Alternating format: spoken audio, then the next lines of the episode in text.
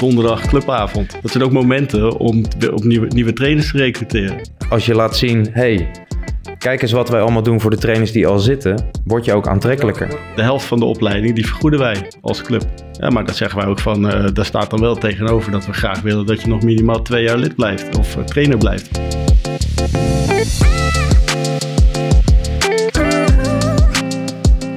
Lieve luisteraars, welkom bij De Jeugd heeft de toekomst. Een podcast van de KNVB over jeugdvoetbal in al haar facetten. Een podcast waarin ik, Piotr van der Marel, samen met een co-host in de wonderenwereld van het jeugdvoetbal duik. Samen met mijn co-host vraag ik mijn gasten het hemd van het lijf. En gaan we op zoek naar hun visie, ziens en werkwijze. Welkom bij De Jeugd heeft de toekomst. Ha, die Jacqueline. Wat ontzettend leuk dat je bij ons aan de slag wil als trainster. Ik heb voor jou een teamtas, een spelerslijst en de sleutels van het balhok. Oh ja, je traint op veld 4Q en aanstaande zaterdag speel je uit bij Zwammerdam. Ik hoop dat dit tegenwoordig niet meer de introductie van een nieuwe trainer is. Stel je eens voor dat je als onervaren trainer zo de kunstgrasweide wordt ingestuurd. In deze podcast hebben we het over kaderbeleid. Hoe zorg je er nu voor dat trainers instromen, zich ontwikkelen en eventueel op de juiste wijze uitstromen? Zijn hier tips en tricks voor? Hoe organiseer je dit? We zitten vandaag aan tafel met Martijn Blijleven en Benno Peperkamp, respectievelijk hoofdopleiding en bestuurslid voetbalzaken. Zij hebben het kaderbeleid van SV Hoofddorp op fantastische wijze uitgewerkt. Maar wat betekent dit nu voor hun 1700 leden? Naast dit tweetal heb ik natuurlijk Nick Veenbrink aan tafel, mijn sidekick van deze podcast. Benno, welkom. Herken je iets van het verhaal van Jacqueline? Oh, zeker. Ja, zeker. Uh, dat doet me ook een klein beetje denken aan het verhaal hoe ik uh, zelf bij SV Hoofddorp terecht ben gekomen eigenlijk. Want wat je ziet is dat, dat verhaal van, nou, de sleutel. ik heb een vergelijkbaar verhaal gehad toen mijn kinderen gingen voetballen bij SV Hoofddorp. En ze terechtkwamen in de F14. En ik liep daar de eerste keer het terrein op. En ik liep naar boven van, joh, waar is veld 4? Dus het is ongeveer een vergelijkbaar verhaal. En uh, ik kreeg automatisch gekeken, oh, nou, dat is daar. En hier zijn de ballen. En neem die even mee. En nou, zo, zo, ging dat. Dus ik liep naar het veld toe.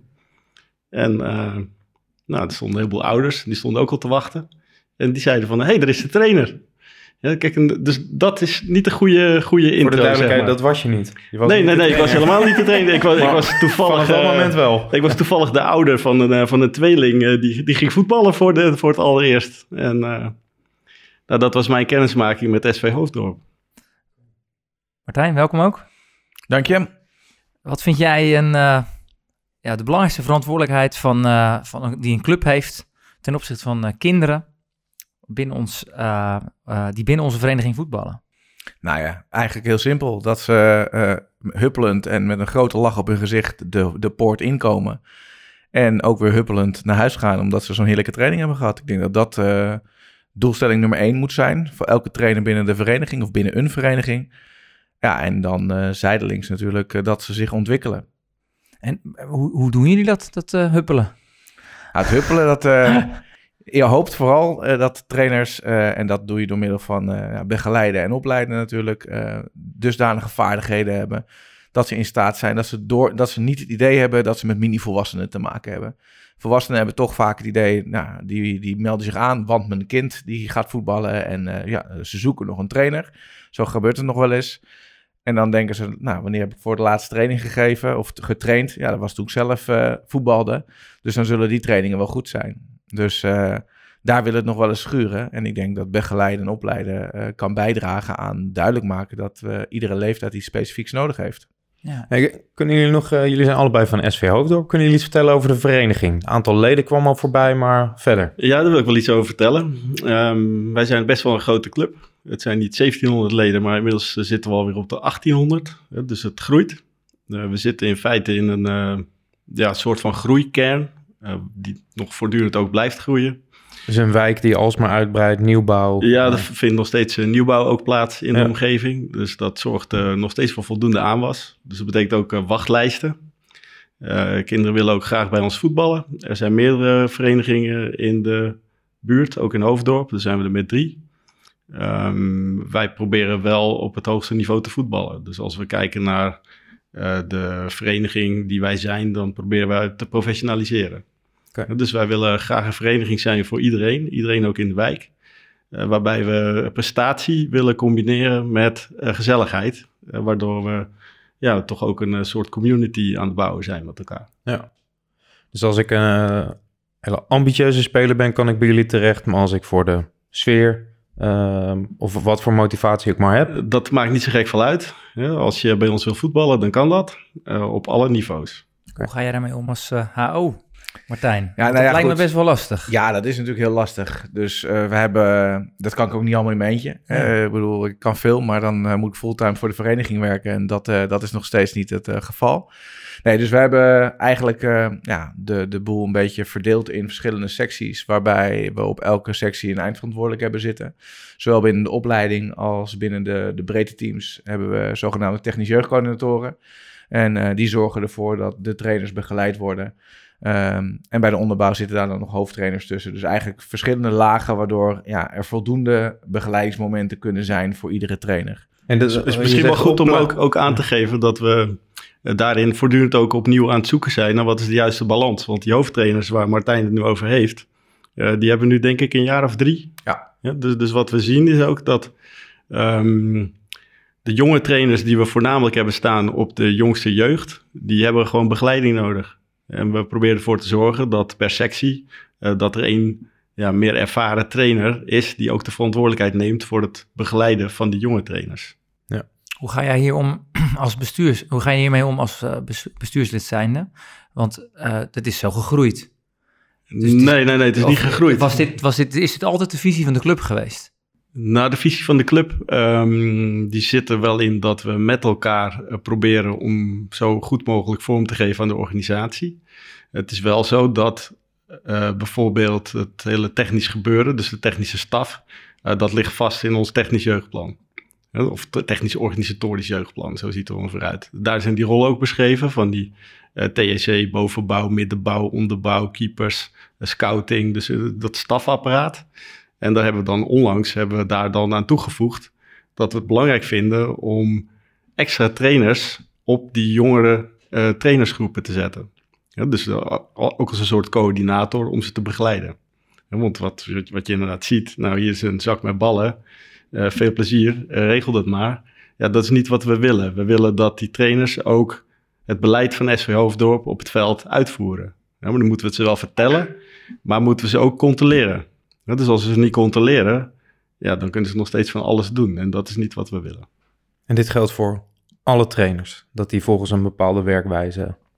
Dit geldt eh, voor alle, in ieder geval voor alle selectietrainers. Ja. Dus daar zit wel een klein verschil om Dat is wat jullie zijn. opleiding noemen. Hè? Even voor de, jij, Ja. jij noemde net eh, breedte en opleiding. Dat, dat is dat onderscheid? Ja, selectie, dat niet dat, selectie, dat, min is of dat meer? onderscheid. Ja. Eh, wat we wel hebben gezegd is dat Martijn als hoofd opleidingen is ook verantwoordelijk voor de breedte sport. Oké. Ja, en we hebben onlangs hebben we daar ook weer twee eh technisch jeugdcoördinatoren voor de breedte sport toegevoegd aan de staf. En die Oh. hebben vervolgens dan weer binnen iedere sectie hebben ze een hoofdtrainer. Dus, want ook zij kunnen met z'n tweeën natuurlijk niet eh, al die jeugdteams bewensen. Dus daar zitten dan weer hoofdtrainers onder. En ze hebben dan, eh, nou, er is periodiek overleg, zodat we daarvoor zorgen. En daarnaast eh, ja, hebben we scholingsavonden, hebben we eh, cursusavonden, dat soort zaken. En Oké, nog, e- ik probeer even een tekeningetje te maken in mijn hoofd. Want dit, eh, er komen, jullie hebben ook een enorme uitdaging om met 1800 leden het goed te organiseren. Jij bent voor de opleiding verantwoordelijk. Zowel de opleidingskant, hè, de, de selectiekant, Ja. om het zo maar te zeggen, en de breedtekant. Maar dat doe je niet alleen. Nee, Je hebt dus twee technisch coördinatoren die de breedte teams, ja, de trainers daar aansturen. ja. Dan hebben jullie verdeling in secties. Zijn dat, zijn Ja, dat dan voor de leeftijden? opleiding. Dus je hebt zeg maar, we hebben als we het eh seks zien, dan bestaat de opleiding eh, bestaat uit eh, onderbouw, middenbouw en bovenbouw. Ja. Ehm, even de specialisaties daarbuiten gelaten. Hè. Dus als eh Ben noemde scouting keepers, die laat ik dan eventjes voor het gemak, gemak er even uit. Laten we dat maar doen, om Precies. het overzichtelijk te dus we houden. hebben zeg maar drie TSC's dan midden, eh, onderbouw, middenbouw, bovenbouw binnen de opleiding. Ja, En we hebben en twee die stuur jij aan? ja, die stuur ik aan. En die, die hebben we ook binnen de brede teams hebben we er twee. Eh, daar zijn wij, denk nu twee jaar geleden mee gestart. Dus die bemensen tot nu toe alles tot en met onder 13. Ehm, ja, omdat we uiteindelijk hebben gezag, gezegd van we kunnen beter onderaf goed beginnen en dan het laten meegroeien naar boven, Ja. dan ineens in één keer alles willen doen, maar dan half. Ja. Dus we hebben nu gezegd, eh de, die TSC's die bemensen eigenlijk de ja, onder, eh, onder, of eigenlijk de minizal tot en met eh, de onder 13 in de Mhm. breedte. En ehm, ja, die begeleiden dan, er zit dan op iedere sectie nog een hoofdtrainer. En die ja, wordt dan begeleid vanuit die technische jeugdcoördinatoren. Ja. En ja, we, de, we hebben het over kaderbeleid. Ehm, betekent dat dat deze mensen, hè, die, die eh, verdeeld zijn over die secties, gaat het om trainers of gaat het ook om leiders, om, Nee, het gaat voornamelijk om, eh, om trainers. om trainers? Die eh veelal dan ook de coaching op zaterdag op zich nemen. Dus de, de wedstrijd aan zich zit er wel bij. Ja, precies. Oké. Oké. En ehm, ja, de rol die die mensen invullen. eh, staan ze op het veld? Eh, hebben ze daar gesprekken mee? Kun je daar iets meer over vertellen? Wat, wat doen die technisch jeugdcoördinatoren? Nou, die- die technische jeugdcoördinatoren die staan in principe niet op het veld. Oké. Die staan aan de zijkant van het veld. En die kijken naar hoe die trainers dat doen. Of hoe die in feite het beleid aan het uitvoeren zijn. En hebben daarna een gesprek met de trainers in hun sectie. Eh, om te kijken, eh, feedback. eh, wat kan er anders? Wat kan er beter? Wat zou ik de volgende keer niet meer doen? Dus al dat soort zaken die komen dan aan de orde. En ehm, ja, dat is ook wat wij van de TSC's verwachten. Wij Ja. verwachten een coachende rol naar de trainers in hun sectie. En dat, dat is dan begeleiden. Maar die trainer die is ook ooit gestart. Jij gaf net een prachtig voorbeeld, Benno, hoe jij gestart bent. Maar hoe gaat dat nu en welke rol spelen die technisch jeugdcoördinatoren daarin? Je bedoelt hoe een trainer bij ons binnenkomt? Ja, precies. Nou ja, Dat, is- dat verschilt natuurlijk. eh, kijk, binnen de opleiding zijn het veel, veelal natuurlijk gediplomeerde trainers. Dus die komen eigenlijk op twee manieren binnen. Dat zijn of eh, mensen die solliciteren op een functie. Eh, We spelen met ons... Die melden zich gewoon bij jullie. Ja, wij, hebben natuurlijk, wij spelen met onze teams best wel op een vrij hoog niveau inmiddels. Mhm. En waardoor je ook bepaalde eisen die even uit de KNVB worden gesteld. en voor de certificering, we zijn regionale jeugdopleiding. Ja. Ehm, die worden daaraan gesteld. Dus ja, die vind je niet binnen gewoon je gemiddelde ledenbestand. Dus dan ga je extern zoeken. eh, en zoek je dus mensen die passen binnen eh, ja, eh, wat je zoekt in Ja. een trainer. Dus de opleiding wordt veelal op die manier ingevuld. Of in de onderbouw doen we dat veelal door jeugdspelers in te zetten... die zelf een CIO's of ALO-achtige opleiding volgen. Ehm, en die we eigenlijk door een stukje verbinding hè, proberen te betrekken bij de club. Dus, dus dat is wat we in de opleiding vooral doen. En binnen de breedte, eh, daar zitten de, koning, de coördinatoren van de leeftijd. Dus dat zijn zeg maar de jeugdbestuursleden. Die zitten daar heel erg eh, in. En die, eh, die, die proberen door middel van actief benaderen, eh, ja, gewoon langs de lijn en echt dus, mensen dus aanspreken. de technisch jeugdcoördinatoren van de breedte, eh, die zijn niet zozeer verantwoordelijk voor het werven van kader. Dat Nee. doet dan de... Dat doen de bestuursleden vooral. Ja, precies. Ja, zij, zij richten de TC's richten zich echt op de op de ontwikkeling van een trainer. Ja. Ja, En en als- voor het werven van trainers voor de selectie eh, is Martijn verantwoordelijk eh, samen met de TSC. Ja, dus daar is het wel bij de technische Ja. Ja. belegd. Ja. Ja. Ja, je- en jullie spreken in jullie, eh, eh, ja, in jullie plan, eh, als het gaat om kaderbeleid, daar gaat deze podcast natuurlijk over, ehm, spreken jullie over een eigenlijk zeven stappen van eh, werven tot uitstromen. En ik zou ehm, jullie ook eh, ja, willen challengen om daar vooral eh, op, op te gaan inzoomen. We hebben net al een stukje werven gehad. Ehm, want wat is de aantrekkingskracht kracht van, de, van de club? Eh, Komen, eh, ja, hebben jullie een trainerstekort? Of hebben jullie eigenlijk nooit trainerstekort, omdat jullie dat nu gewoon heel goed voor elkaar hebben? Ik denk dat we net als iedere vereniging Ja. zijn. Wij hebben ook trainerstekort en wij moeten ook af en toe echt wel gaan zoeken naar trainers. Eh, zowel binnen de opleiding, waar het wel makkelijker is, omdat je natuurlijk daar ook met vergoedingen te maken hebt, een bepaald niveau speelt en ja, trainers ook bepaalde ambities hebben. Maar binnen de breedte is dat echt wel een uitdaging. Ja, daar hebben we zeker ook wel eens teams die gewoon, eh, nou ja, in het begin van het seizoen nog geen trainer hebben. En dus die coördinator inderdaad maar die ouders bij elkaar trommelt van ja, luister, als je wilt dat je kind gaat voetballen, dan hebben we iemand nodig. Dus wie staat erop?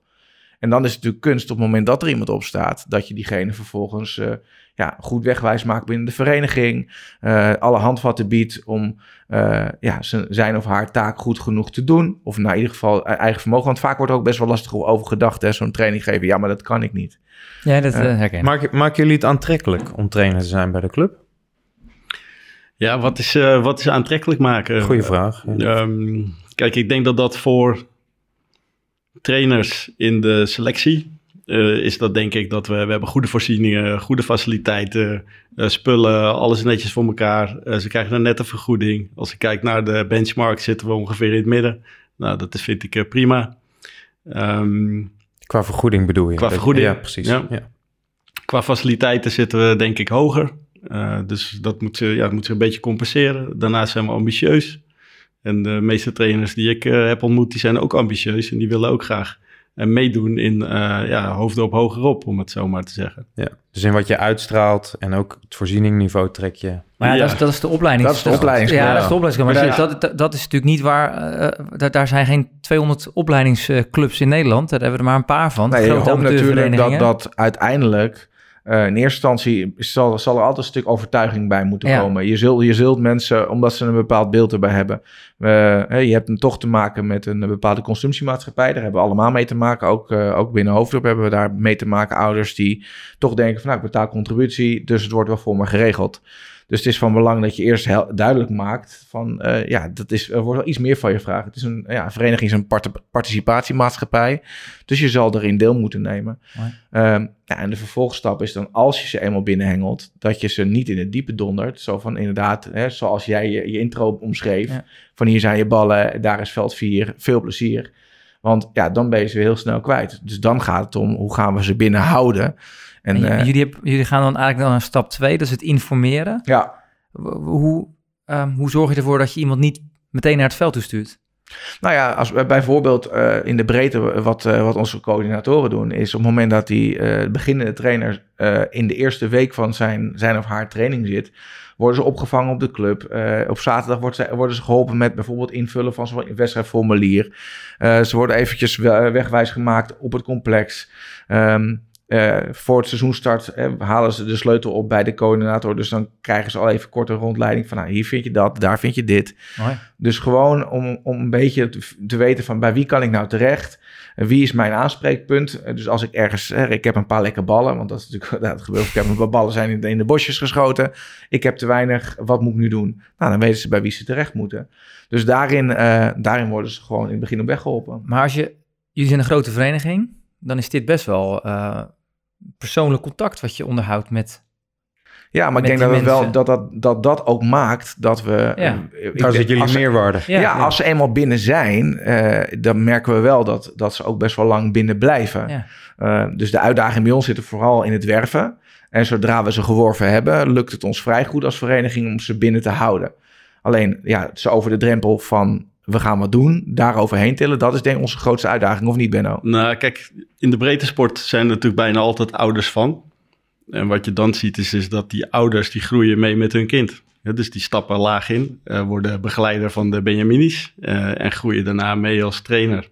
Uh, dat is denk ik een, een, model dat we nu een aantal jaar zien. Uh, en daar voegen we nu ook nog aan toe. En dat is iets wat Martijn uh, ook uh, vanuit zijn rol al een aantal maal heeft gedaan. Dat hij, hij verzorgt dan, dan trainingen, een trainende trainerscursus. Ja, en ik denk dat dat ook met name een heel sterk punt is. Want dat zorgt er ook voor dat mensen wat bagage krijgen. Dat ze ja, niet zelf alles hoeven uit te zoeken. Maar dat ze in feite materiaal aangereikt krijgen wat ze daarna kunnen gebruiken. En ik moet zeggen, hoeveel man heb je inmiddels opgeleid? Nou ja, we zijn begonnen met, denk ik, uh, eerst los gewoon. Kijk, ik ben uh, naast mijn, rol bij Hoofd, ben ik ook KVB-docent. En nou ja, om ze de stap te laten maken naar de KVB-scholingen, want dat is wat uiteindelijk wat je hoopt, hè, dat ze door gaan groeien. Heb ik in eerste instantie gewoon die pupillencursus een soort light variant van gemaakt. En, en die aangeboden, dat heb ik denk ik inmiddels nou, zes keer gedaan. Dus er zijn een pak een beter stuk of 80, 90 uh, deelnemers geweest. En sinds afgelopen seizoen uh, heb ik de HOA-opleiding uh, gedaan. En dus nu ook ja, kan ik die FTC-cursus geven. Dus krijgen ze ook echt formeel een KVB-certificaat. Nou, ik moet zeggen, dat vind ik een fantastisch resultaat al. Als je daar naar kijkt. Het is ja. gewoon 80 min of meer gecertificeerde trainers. Ja, en ik denk dat op die manier moeten we ook de belangstelling uh, wekken. Want uh, ja, de mensen die die training hebben gevolgd, die hadden al een intrinsieke motivatie om iets te doen. En als we die verder kunnen begeleiden, dan zullen we dat ook doen. Ja, en het um, mooie is wat je ziet, is dat uh, dan, ja, we ook bijna jaarlijks in staat zijn om vanuit die groepen weer bij de KNVB de vraag uit te zetten om een pupillencursus te starten. Dus je ziet dat mensen uh, een soort van geenthousiasmeerd worden. En dat een groot deel van die groep dan vervolgens zegt van... nou, maar ik wil, ik wil wel meer. Ik, kom maar op, ik wil die pupillencursus op. En dan ga je uiteindelijk krijgen... Ze zullen niet allemaal tot aan uh, UEVC komen... Maar uh, als uiteindelijk van zo'n groep van 14 uh, cursisten er alweer drie of vier uh, uiteindelijk UEVC gaan doen, ja, dan ga je natuurlijk als vereniging ook kwalitatief gewoon stappen maken. Ja, en dit zien anderen ook. En ja. dit, dit werkt zeer inspirerend, denk ik. dan zitten we al, heel erg aan de begeleidende opleiderkant. Um, stap drie binnen het kaderbeleid van de KNVB en wat jullie ook hanteren, is het introduceren. Kan je daar wat over vertellen? Nou ja, introduceren is eigenlijk, hè, informeren is vooral van waar gaan we naartoe. En introduceren is eigenlijk je, je bekendmaken. Zorgen dat je je plek hebt binnen de vereniging. Dat je weet bij, bij wie je terecht kan. Uh, zorgen dat er ook regelmatig contact is. En, en dat is denk ik iets. Uh, ik loop al, ik ben uh, bijna 35 jaar lid van Hoofddorp. En iets waarvan ik vind dat de vereniging echt stappen heeft gemaakt, is dat het ondanks de grootte. In het begin, een aantal jaar geleden, vond ik Hoofddorp was vooral ook heel groot en dus moeilijk toegankelijk voor, voor, voor de mensen die ja, in de laagste, eh, zeg maar de trainers van de breedte sport enzovoort. En ja, door allerlei activiteiten die de club doet, denk ook gewoon aan, aan vrijwilligersavonden enzovoort, zie je gewoon een enorme binding binnen de vereniging, waardoor ja, mensen elkaar weten te vinden en ja, ook weer hun, hun rol gewoon als plezierig gaan ervaren. En niet alleen maar ik doe het omdat ik het moet doen voor mijn kind. Hoe stuur je daarop op aan als bestuurslid? Uh, nou ja, kijk, kijk, is gegroeid dit? Nou ja, kijk, we zijn wel heel bewust bezig met community building als bestuur. Ja, dus ik denk dat, uh, dat dat bijdraagt aan, aan die binding waar Martijn het over heeft. Uh, wat we nu ook bijvoorbeeld gaan doen is we gaan introduceren iets nieuws als een donderdag clubavond. Bijvoorbeeld met gereduceerde, licht gereduceerde prijzen. Waarbij ze van nou laten we eens kijken of we veel mensen naar de club kunnen krijgen op zo'n moment. Dat zijn ook momenten om op nieuwe, nieuwe trainers te recruteren. Ja. Ja, dus dat zijn belangrijke momenten, want je ziet daar zijn mensen die hebben inderdaad interesse in de club. Die komen er naartoe, die hebben een praatje, het moment dat wij ze ook kunnen spreken. Dus we moeten dat soort momenten moeten we zien te, uh, te creëren. Uh, daarnaast is het zo dat als we dan eenmaal vrijwilligers hebben, dat we die ook moeten blijven aantrekken. Nou, we doen in ieder geval op zijn minst al een vrijwilligersavond. er staat het bestuur staat achter de bar. En niet dat wij geen vrijwilligers zijn, maar dan uh, laten we toch gewoon maar zien dat, uh, dat we dat ook doen. Uh, daarnaast iets anders initiatief waar we mee bezig zijn is om vrijwilligers aan te trekken. We proberen actief een vrijwilligersbeleid op touw te zetten. bijvoorbeeld afgelopen weekend heb ik aan de poort gestaan met een standje waarin duidelijk is, joh, wij zoeken vrijwilligers. Um, ook om een signaal af te geven. Uh, vooral ook om een signaal af te geven van, kijk, let op, uh, wij zijn een vereniging. Uh, wij staan hier omdat wij dit leuk vinden. Wij, wij willen dat doen.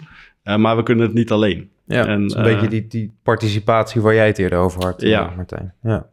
Ja. we moeten nog maar zien wat daar dan de resultaten van zijn. Maar ik denk dat alleen al het feit dat we zichtbaar zijn, dat dat ja, eigenlijk al een eerste start geeft. Ja. Ja, wat ik hier wel. Uh, we, we doorlopen al een aantal stappen. Het werven is natuurlijk een hele belangrijke en vaak ook misschien wel een hele moeilijke als ik dit voorbeeld ook uh, beluister.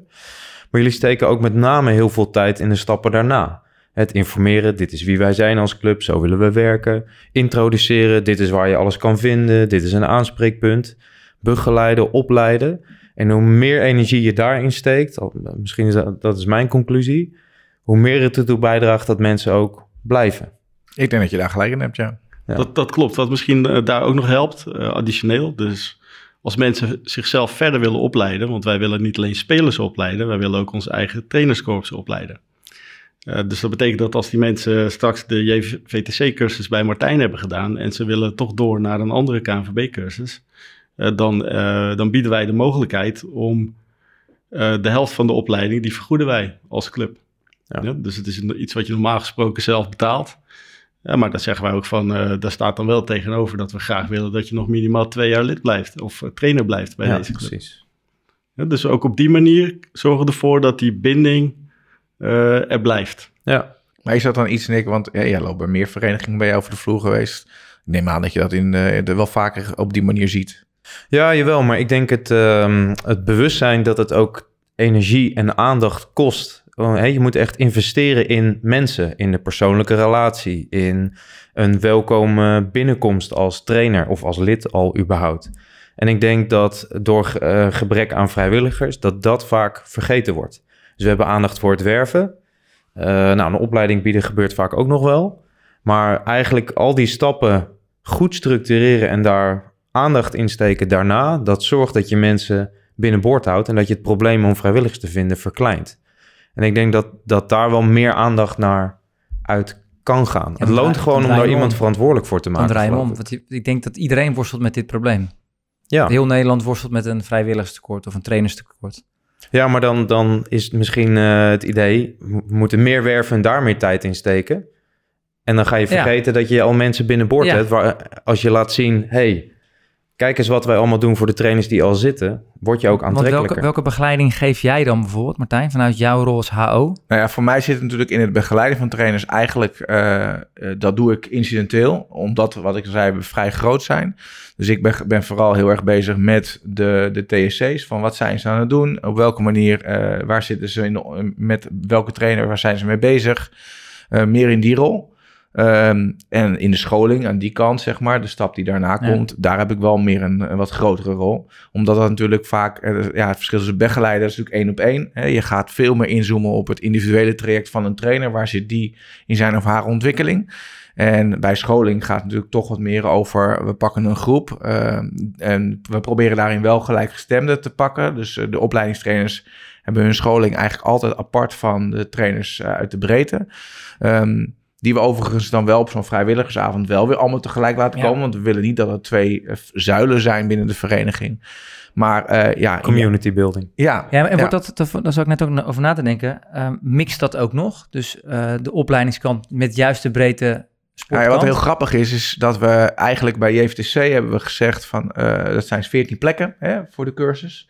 Uh, er zijn er zeven voor de opleiding en zeven voor de breedte. En um, um, vooral dan, dat zijn dan vaak de onderbouwtrainers, die jonge gasten van, nou ja, soms uh, 15 jaar zelfs, die dan uh, denken van, nou, ik wil wel trainer worden.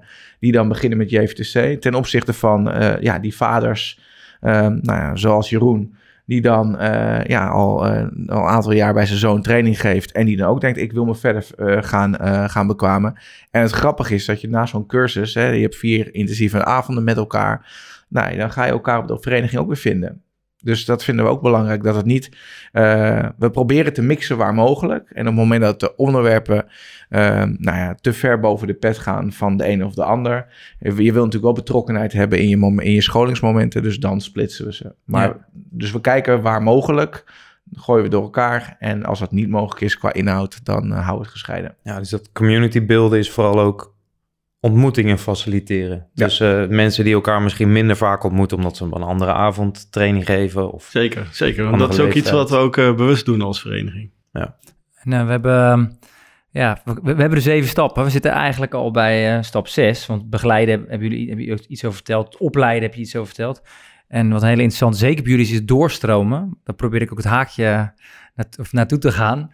Is dat, uh, gebeurt het wel eens dat er van de breedte sport een trainer zich zo ontwikkelt en dat hij naar de opleidingskant gaat? Ja, zeker weten. Ja, wij hebben uh, regelmatig trainers die zo'n stap maken. Um, die dus inderdaad uh, doorstromen naar de, naar de opleidingskant. Ook uh, ja, doorstromen binnen opleiding, dat vind ik altijd een wat lastiger verhaal. Want vaak wordt er met doorstromen gedacht. Dan ga je dus naar een oudere leeftijd. en ik vind dat geen doorstromen. Nee, want ik vind uh, uiteindelijk is de onder 13 net zo, belangrijker als, net zo belangrijk als de onder 18. En een trainer van de onder 18 heeft niet meer aanzien binnen onze vereniging als de trainer van onder 9. Um, dus dat vind ik wel heel erg belangrijk. Dus uh, doorstromen in de zin van je ziet wel dat trainers heel, op een gegeven moment zoiets hebben van ik wil naar de 11 tegen 11 uh, wedstrijdsituatie toe. Um, maar wij proberen juist ook wel bij de, bij de onderbouw ook wel duidelijk te maken van maar jullie zijn wel ontzettend belangrijk in, uh, in de ontwikkeling van die kinderen. Dus, uh, dus doorstromen binnen de opleiding, ja, daar doen we eigenlijk niet zo aan. Omdat ja, doorstromen zou betekenen dat je dus het een belangrijker ja. vindt dan het ander. Ehm, nou, maar het gebeurt wel natuurlijk, hè? het gebeurt het wel. gebeurt wel. Eh, Ja. Kijk, als ik nu kijk naar dit, dit seizoen, dan eh, zie ik een aantal trainers die toch weer een aantal andere teams gaan trainen. Nou ja, wat ik wel een mooi voorbeeld van doorstroming vind, is dat we bijvoorbeeld onze onder 19 trainer afgelopen jaar, die zit nu bij de zondagselectie erbij. Dus die is naar de seniorenvoetbal doorgestroomd. Dat vind ik dan wel weer een voorbeeld van doorstromen. Maar een trainer die bijvoorbeeld van eh, ja, de onder 15 daarna naar onder 13 gaat, of onder, onder, onze onder 16 trainer is nu trainer van onder 13, die is niet gedegradeerd bijvoorbeeld. En wat, dus wat, hoe, dat is ook wel een moeilijk begrip, denk ik, binnen het kaderbeleid, dat doorstromen. Want vaak is doorstromen inderdaad nog steeds omhoog. Ja, ik, En naar een hogere leeftijdscategorie. ja, en ik, ik, ja, je, eh, ehm, ja, ik heb veel ook discussies met trainers gehad. Uiteindelijk eh, vindt iedereen, eh, nee, die hecht heel veel waarde aan 11 tegen 11. En, maar juist aan de onderkant, de onder 8 tot en met eh, de onder 12, dat zijn vaak de trainers die eh echte specialisten zijn. Eh, en ik heb bijvoorbeeld bij Sparta heb ik veel discussies gehad met trainers van, oh, je bent zo goed met die jonge gasten, laat je nou niet verleiden naar 11 tegen 11, want je bent een specialist. Maar goed. Aan de andere kant wil je ze misschien die ontwikkelkant ook niet... Zij willen ook ervaren hoe het is bij 11 tegen 11. Ja, om dan uiteindelijk tot de conclusie te komen dat ze weer terug willen. Dat kan dat natuurlijk. gebeurt niet zo vaak. Nou ja, Nee. dat bij, de Nee, nee, amateurvoetbal. Nee. zeker niet. En dat komt Dat is er natuurlijk maar ook- één. Dat komt natuurlijk ook wel bij veel verenigingen. Ik denk dat dat, nou ja, dat zal je wel onderkennen, Nick. Dat veel verenigingen ook in een salarishuis toch de trainer van Ja, onder 18 meer geven dan de trainer van onder 13. Ja. En Ja. ja, ja dat is gewoon Ja. wat er gebeurt. En waardoor je dus automatisch krijgt dat het ook, eh, ondanks dat het hobby is, er gaat natuurlijk steeds meer tijd in zitten hè, voor trainers. Zeker in de opleidingskant. Want eh, ja, waar het eerst gewoon bij wijze van spreken drie keer trainen in de week is, eh, verwachten we nu al een stukje videoanalyse van die gasten. We verwachten dat ze gesprekken voeren met de spelers. We, de, de eisenlijst met de verwachtingen naar die trainers worden steeds meer. Ja. Dus dan is het ook logisch dat ze uiteindelijk ja, zoiets hebben van, nou, ik wil een bepaalde vergoeding daarvoor krijgen. En als je dan meer krijgt bij de onder 18 dan bij de onder 13, dan ga je automatisch Ja. omhoog willen. Ja. Ik eh, heb voor jullie een heel mooi eh, geluidsfragment. Eh, je had het net al over Jeroen. en eh, Jeroen is een trainer bij jullie. Ehm, wij hebben hem gevraagd hoe jullie ehm, Jeroen begeleiden. En daar eh, gaat hij wat over vertellen. Nou, dan heb ik heel veel inzicht gekregen in hoe je team traint, hoe je team leidt, hoe je met, vooral met ouders om eh, moet gaan. Ehm, wat je vooral moet benadrukken en wat je ook vooral niet moet doen. Ik heb heel veel handvaten gekregen in wat ik moet doen om kinderen eh, nog meer plezier te, ge- te geven in het voetballen. Dus ik heb zelf heb ik, heb ik de, handvaten gekregen om meer structuur aan te brengen. Hoe eh, leid je een team? Wat kan je van kinderen verwachten? Uh, meer inzichten in, in wat, wat mijn leeftijden uh, voor kinderen kunnen. En dat te projecteren op de, op de kinderen en daar kijken wat het voor effect heeft op het, op het veld. Mooi Martijn. Ja, dat is uh, zeker mooi. Ja. Trots, trots op dit soort... uh, ja, ja, en dat zijn eigenlijk wel de, de, geluiden die over het algemeen, uh, over het algemeen wel terugkomen. Uh, Jeroen heeft bij ons vorig jaar JFTC gedaan. En uh, nou ja, die, die is gewoon heel enthousiast ermee aan de slag gegaan. En uh, die heeft zelfs nu dus uh, in zijn zomervakantie een heel plan bedacht. Van, uh, en ook daar, als je het dan hebt over dwarsverbanden, is hij bij onze technisch jeugdcoördinator van de, van de opleiding aan de on onderbouwkant, heeft hij gevraagd van joh, ja, bepaalde teamafspraken, mag ik die eens inzien? Dan kan ik die misschien gebruiken. En zij is naar aanleiding van die vier bijeenkomsten, ja, daar heeft hij eigenlijk al die verschillende onderwerpen, hè, die vier kwaliteiten van een trainer. Hoe doe je het bij een wedstrijd? Hoe, hoe zet je een training weg? Ja, al die kapstokjes heeft hij gebruikt om vervolgens te kijken, maar hoe kan ik binnen de vereniging aan nog meer informatie komen? Ja. Nick, wat viel jou op? Nou, dat hij uh, de handvatten eigenlijk die hij heeft, uh, heeft meegekregen. Dus uh, ik vraag me af, waar heeft hij dat, waar heeft hij dat opgepikt? Is dat in een, in een cursus? Ja, of die in heeft begeleiding? Ja, ja, die heeft, ja, die heeft de C-cursus. Ik denk dat die heeft de C-cursus voor beginnende trainers een hele mooie opstap is. Um, omdat daar voornamelijk die structuur waar Jeroen het over heeft, die wordt, wordt heel erg benadrukt. Van op welke manier kan je kinderen in een veilige omgeving uh, hun sport laten beoefenen. En wanneer ze dat in de vingers hebben, ja, dan is een mooie stap om pupillencursus te gaan doen. Om dan toch nog iets meer op de voetbalinhoud te gaan zitten. Ja, ik vond het mooi dat hij zei over, ja, uh, hoe jij het net ook zei, over het huppelen. Van dat, dat, uh, dat jongetjes of, en meiden huppelend binnenkomen. Dat hij dat geleerd heeft. Dus ja, om ze meer gaan, plezier te ja, geven. Hij is gaan ja. afdalen tot het niveau van een kind. Wat heeft een kind nu nodig? En ik denk dat je, dat, dat het allerbelangrijkste is voor jonge, uh, onervaren trainers. Als je Jeroens enthousiasme hoort, dan beeld je hem huppelend in, toch? Ja, precies. Ja. Kijk, kijk, wat we natuurlijk ook niet willen is uh, trainers op het veld met rijtjes. Ja, dus als jij zeg maar nog klassiek weet hoe het vroeger ging, dan eh, maak je ergens een rijtje en dan, eh, ja, dan eh, mag iemand eh, één voor één mogen ze iets doen. Ja, en dat is natuurlijk eh, tegenwoordig eh, heel anders. Nou ja, En, en, en dat is denk ik gewoon- zo'n handvat. Ja. Nou ja, dat is een, een van de handvatten die hij heeft gekregen natuurlijk. En gewoon het feit dat hij... ehm, nou ja, dat, hij, dat is denk ik waar, waar volwassenen vooral... dat zie je met de ouders die trainer worden. Ik denk dat voor de, de jonge gasten die vanaf van Asiel of van ALO-achtige opleiding komen... makkelijker is. Maar het rekening houden met... wat mag ik van deze leeftijd nou verwachten... Wat mag ik nou van een onder acht speler? Ja, ze luisteren niet. Nee, vind je gek? Die gasten hebben een concentratieboog van niks. Dus als jij een kwartier gaat zitten praten of staan praten, ja, dan hangen ze in de hekken. Dat, dat is, en, dat, en dan daarna die kinderen de schuld geven. Hè? Van ja. ze luisteren niet en dat en zus en zo. En ik denk door, door je daarin eh, je eigen te maken van oké, maar dit, dit is gewoon gedrag wat hoort bij deze kinderen.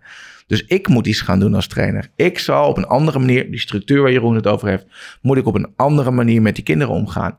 En ik denk dat dat, uh, ja, dat vind ik altijd wel een hele belangrijke om uh, in die momenten mee te nemen. Dat ze echt doorhebben, ja, wat mag ik nou verwachten van welke leeftijd. Mooi. Hey, en uh, uh, Benno, waar zijn jullie het meest trots op binnen het kaderbeleid? Meest trots dat we met elkaar uh, voortdurend blijven verbeteren. We houden elkaar scherp. Um, als ik zelf kijk, ik ben nu denk ik acht jaar bestuurslid ja, ik ben nog steeds niet waar ik wezen wil. Dus uh, dat betekent we blijven bouwen en dat zijn we met elkaar aan het doen. Als ik kijk naar het kader in de volle breedte, dan zorgen we ervoor dat we uh, ook daarin blijven verbreden. Het is prettig als je ergens een klein beetje overcapaciteit hebt. Uh, dan valt de trainer weg. wel handig als je een trainer hebt die, die in kan vallen. we zijn dit jaar begonnen met een hersteltrainer. Iemand die zit tussen de fysio en de trainer. Hoe, dat, dat zijn dingen waarin we investeren. Oké, okay. Martijn? Nou, Waar ben, ben jij het meest trots op? Ik ben ooit begonnen bij SV Hoofddorp toen ik zeg maar een beetje in de beleidskant kwam. Als, toen was ik de zogenaamde TSC-pupillen. En dan organiseerde ik eens in zoveel tijd een, een bijeenkomst. En die heb ik regelmatig af moeten zeggen, omdat er gewoon geen, geen hond op afkwam.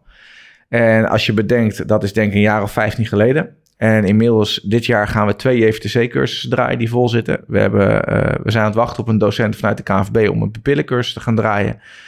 Nou, dat, daar ben ik wel heel trots op. Dat je echt ziet dat uh, nou ja, de wil om jezelf te ontwikkelen um, en met elkaar de vereniging dus beter te maken, dat die dus gegroeid is. En dat vind ik een, uh, dat vind ik een hele mooie ontwikkeling. Juist in deze lastige tijd waarin eigenlijk de vereniging ook steeds meer als een bedrijf wordt gezien. Ja, daar ben ik wel echt heel trots op. Mooi. Zo dan... klinkt het ook. We hebben nog één stap eigenlijk niet gehad. En uh, ja, die vroeg ik me af. Stel nou, ik kan me bijna niet voorstellen zo enthousiast als Jeroen klinkt. Maar stel dat Jeroen stopt als trainer. Ja, dan, Hij, dan zit de laatste stap ja. uitstroom. Ja, wat gebeurt er dan?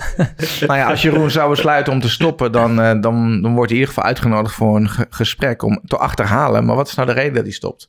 Kijk, uh, want je hebt het dan over, jij hebt het over uitstroom in de zin van, oké, okay, uh, de trainer besluit om te stoppen. Mm -hmm. Nou, daar heeft hij vaak zijn beweegredenen voor. En dan hopen we vaak dat het dan in de privésfeer wat drukker is en dat het dus in tijd zit en niet in dingen die wij niet hebben goed, goed hebben gedaan. Is dat wel zo? Neem je dat weer mee in je rugzak Precies. als vereniging.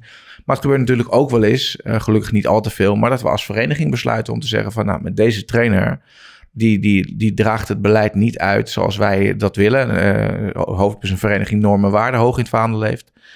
Um, ja, dan besluiten wij om te stoppen. Dus okay. dat, kan, dat kan ook nog wel. Maar dat, dat, ja, dat zal niet iedere vereniging uh, zomaar durven. Hey, je, je hebt aan de ene kant een vrijwilligersprobleem, maar je durft toch ook te zeggen, uh, sorry, maar dit... Hier nou ja, zeker denk ik bij de breedte. Kijk, bij de opleiding hebben we nooit echt problemen met mensen vinden. Ja, af en toe. Maar dat is, dat is over het algemeen weten we dat vrij makkelijk in te vullen. Uh, bij de breedte teams is dat natuurlijk anders. Maar ja, uh, wat ik, waar we eigenlijk al mee begonnen. We zijn verantwoordelijk voor onze, onze spelers, onze, onze deelnemers, onze ja, de jongens en meisjes die bij ons voetballen. Die moeten veilig kunnen sporten. En een schreeuwende vader langs de lijn die die kinderen helemaal kapot scheldt, bij wijze van spreken, even chargeren. Daar zitten we niet op te wachten. En dan zeggen we gewoon van, joh, weet je, ja. hartstikke goed, maar niet Die veiligheid is dan veel belangrijker dan... Uh... Ja. ja. Ja, want anders nou, zijn we straks de, de, de, kinderen kwijt. Kijk, ja. de normen, waarden in zijn totaliteit zijn belangrijker. En op het moment dat er een trainer is die zich daar niet aan houdt, om wat voor reden dan ook, en we hebben het gesprek zijn we aangegaan en het verbetert niet, ja, dan moeten wij wel, wel een beslissing nemen. Gebeurt ja. gelukkig niet zo vaak, uh, maar er zijn wel degelijk trainers uh, van wie wij afscheid nemen. Ja, oké. Okay. Oké. Afscheid nemen.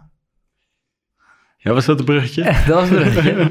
Nee, ik wil nog een, een rondje tips met jullie, eh, met jullie doen. of Misschien heb jij nog een nabrander? Ja, nog eentje eigenlijk. Ehm, en dat is de vraag: zou je kaderbeleid als vereniging kunnen hebben zonder de functie van een hoofdopleiding? Ja, die vraag is aan mij, neem ik aan. Ehm, ik denk dat dat kan, maar dat het niet wijs is.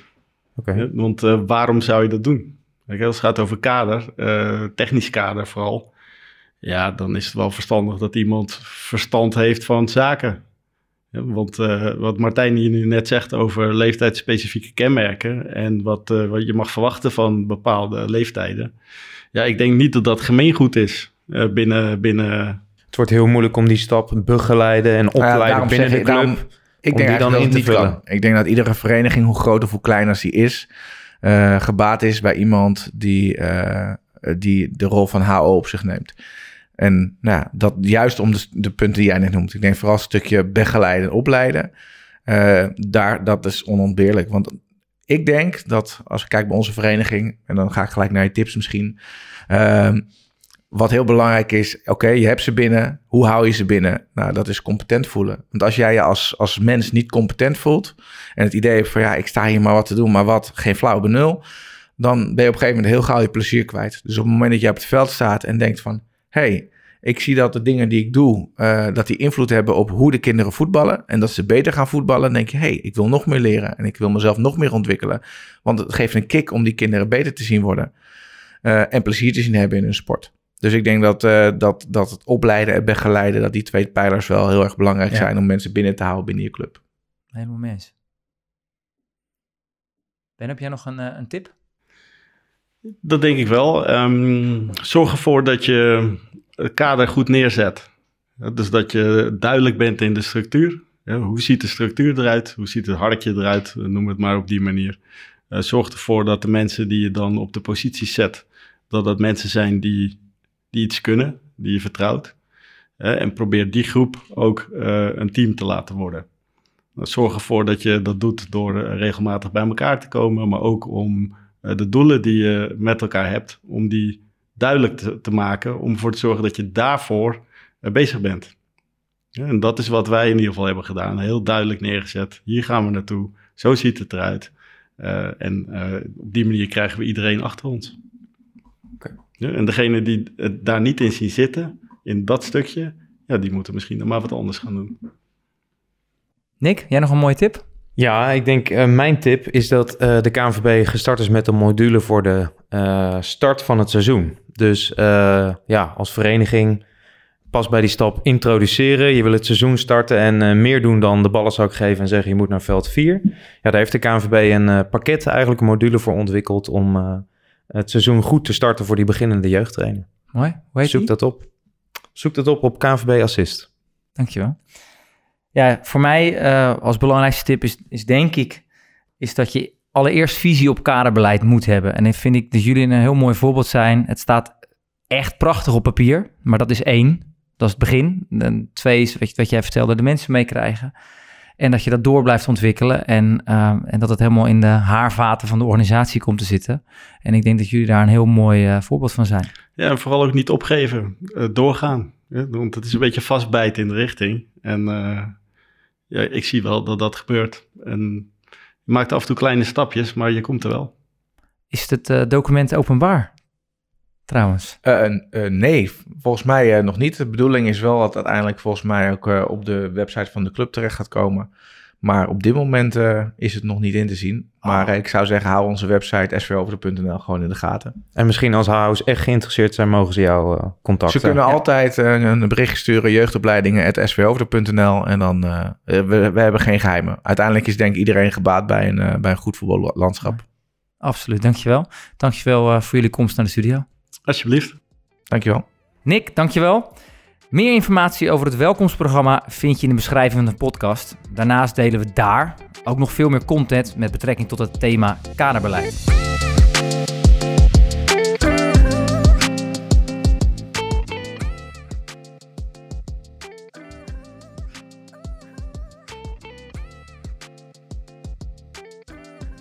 Beste luisteraars, Ik wil jullie danken voor het luisteren naar deze podcast. Wat neem je mee naar je eigen voetbalsituatie? Wat zou je totaal anders doen? Hebben we je stof tot nadenken gegeven? Heb je nog vragen of opmerkingen? We zijn altijd op zoek naar thema's die spelen bij jouw club. Laat het ons weten en mail dit naar voetbalontwikkeling.kvb.nl